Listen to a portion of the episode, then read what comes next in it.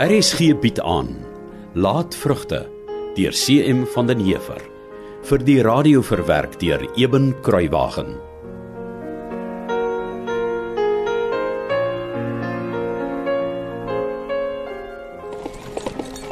Daar gaan Annie. Saam met Hendrik. My hart is leeg. Ja, nee, ek het gedog hulle gaan darm tot môre bly. Hm. Hulle het nie eers vir Henning gesien nie. En Annie sou nog so ewe kamma van ma gaan dag sê het. Hm. Terwyl ek kos gemaak het, het ek jou 'n slag hard hoor praat, sy brand. Wat was aan die gang? Sommige net 'n voetery. Nee, ek het vanoggend toe julle die perde gaan uitspan het vir Annie gevra, hoekom is hulle nou eintlik hier? Maar sy het my nooit regtig geantwoord nie. Toe het ek dit maar eers gelos. Gedag sy sou seker later vir my sê of haar mond verby praat. Maar dis hulle net so skielik weer fort as wat hulle hier opgedaag het. Hulle is glo in die moeilikheid. Wat 'n moeilikheid. Hulle skuld 'n winkelier geld. Maar hoeveel skuld hulle? 200 pond. 200 pond. Mm -hmm. Maar dis 'n verskriklike klomp geld. En dit vir 'n winkelier? Ja.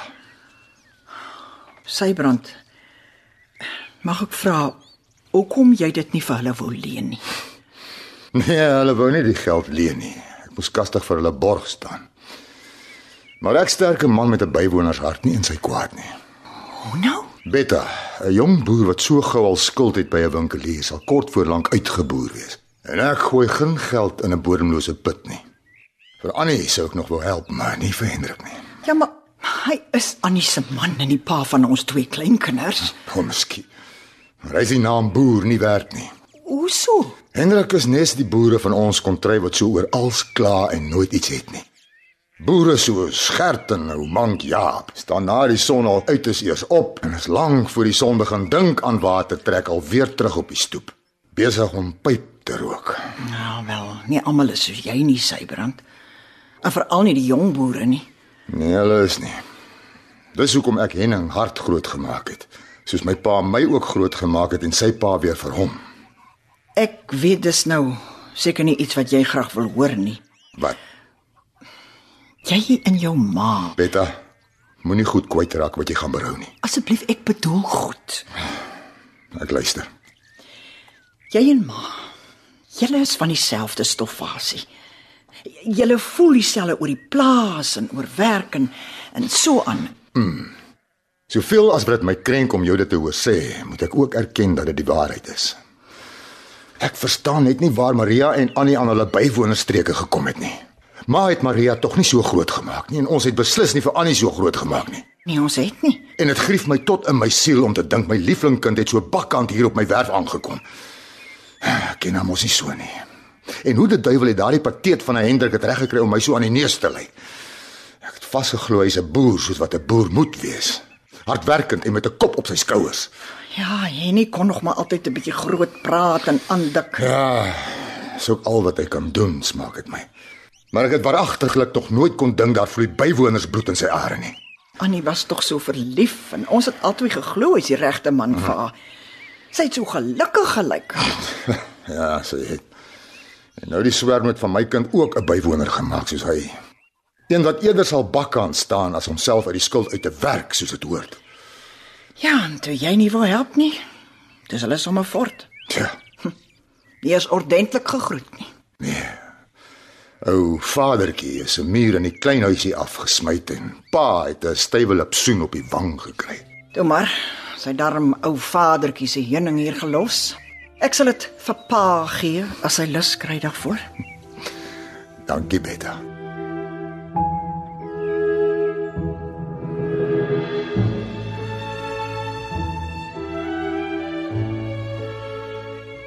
Het jy lus vir nog koffie?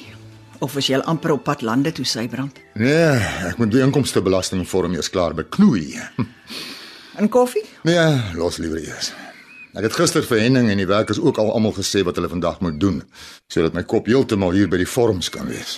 Het die asyn toe gehelp om die ink wat opgedroog het in die potjie weer bruikbaar te kry? Ja, maar nou moet jy my los. Wat my inkomste ook al is, ek moet dit so bewimpel, uitdun, omplooi en toesmeer dat ek nie 'n penny inkomstebelasting hoef te betaal nie. Nie soos die skelm prokureur dit 1 jaar gedoen het nie. Hy het al my rekeninge en state en goed so verknoei ek moes 'n hele paar pond inbetaal. Huh. Maar ek laat my ook net een keer vang. Ai, sy brand. Ek's nog altyd spyt daaroor. Nou het ek al agtergekom. Jy kan die ding so invul dat die ou spul wat die belasting moet invul er altyd aan die kortste end trek. Ek meen, hoekom moet dit ek wees wat aan die kortste end trek? Ek werk mos hard genoeg. Jy werk baie hard, ja. En ek kwel my lankal nie meer oor die reine waarheid invul op hierdie ou bruinerige vorm van die kantoormeneertjies nie. Wie is hulle in elk geval? Hulle wat eers as die dag al begin 'n baard kry uit die vere kom. Ek sorg net dat ek my skuiwergate en my uitkruip plekkies kry.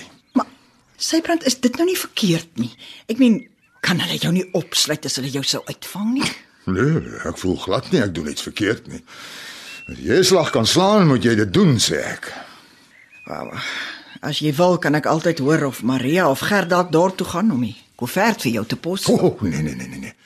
Dis 'n ding wat ek self moet doen. Ek vertrou geen niemand met 'n brief soos die nie. Nee nee nee nee. Hoe weet ek die koevert word nie oopgemaak voor dit in die pos beland nie. En dan word dit net 'n eislike swart smeerdery. Daar's te veel jaloese sukkelaars in die wêreld. Nee, kyk, met die klas ding moet jy baie versigtig wees. Ja, ek sien. Nou goed. Gaan jy maar aan. Ek is in die kombuis as jy iets sou nodig kry.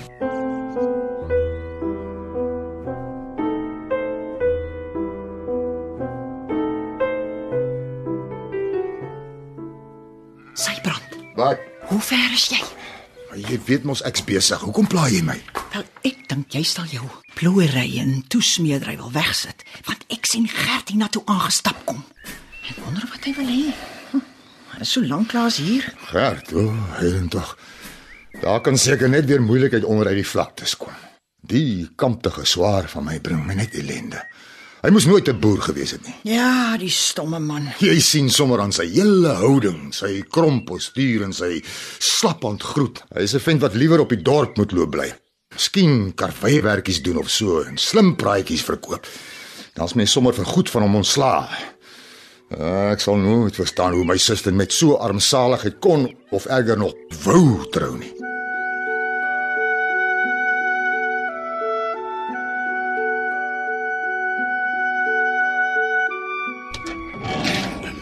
Reg, Peter.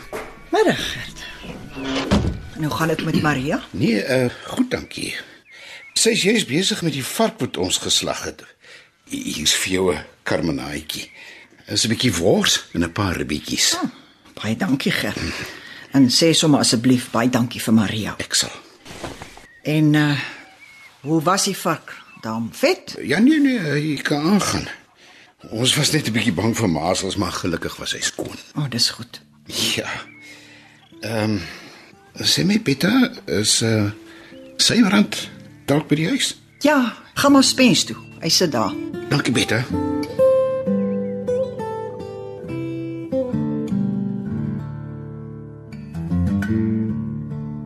Nou sit my ou swaar. Ek kan nie maar nie veel nie. Maar vanmiddag moet ek voor hom buig. Die geharde ou sondaar soos hy nou daar by die tafel sit is 'n baasboer. Hm, meer is dit hy vergader wêreldsgoed soos 'n 'n boomluis wat als droog suig in sy omgewing. Mense wil hom liewers nie raakloop nie. Maar dan is soos die het jy hom nodig. Hy het ongelukkig besittings, geld en mag. Ja, nee, dis nou of nooit.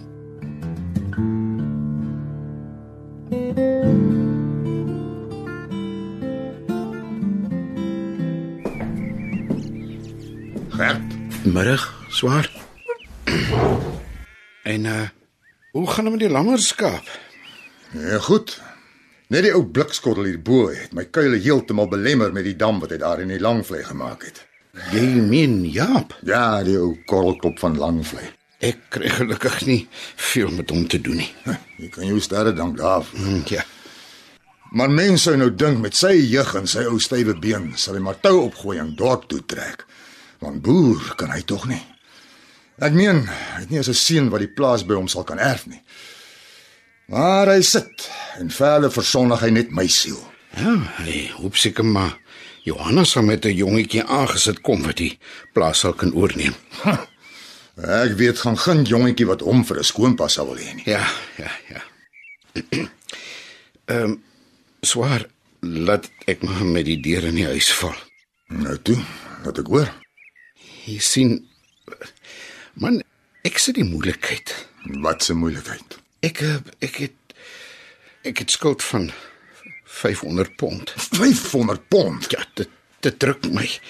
Ek weet nie meer herwaarts of derwaarts nie. So ek kom vra jou om hulp. Weet julle dalk iets wat ek nie weet nie? Hoekom? Jy's die tweede sukkelaar in omtrent 2 weke wat met dieselfde ding na my toe kom.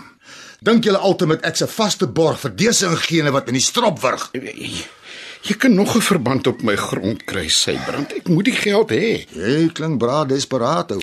Ek is en jy kan maar net sê watter rente jy wil hê, maar, maar reg swaar asseblief, jy moet my help. 500 pond. Ek weet dis baie geld swaar, ek weet, maar ek kom na jou toe want jy's familie. Ek, wil nie graag die verband op my grond aan vreemdelinge gee nie. Hoe lyk dit swaar? Jy weet Gert. amper 2 weke gelede moes ek my liefling dogter diep seermaak toe ek haar en haar versukkelde man vir 200 pond nie wou help nie. Jy wou nie eers vir Annie help nie. Nee. Asseblief, ek is desperaat. Ek, ek smeek jou swaar sybrand. Asseblief, help vir my en jou suster. Gert, ek het dit ook maar Ja moeilik. ja, natuurlik, ek verstaan. En ma maak die ding vir my nog swaarder. Sy hou my teer dat ek nie kan boer soos ek wil nie. Ja, ek ek weet. Dis dis maar moeilik, ja. Maar uh, Ja, swaar. dis ook so. Familie moet mekaar help. Daarvoor is ons daar. Nee, dit is so swaar sybrand. Familie moet mekaar help. Ons kan volgende week na die dorp toe ry en met die prokureur gaan praat. Ek sal ook maar raap en skraap om die geld bymekaar te kry. Maar ek moet jou help. Dit hoort so. Ek meen, ons kan mos nie toelaat dat julle deel van Boskloof dalk eendag in 'n vreemde hande beland nie. Kan ons?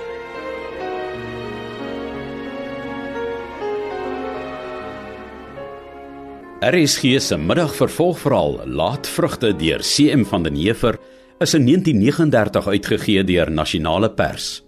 Die verhaal word in Kaapstad opgevoer onder regie van Eben Kruiwagen.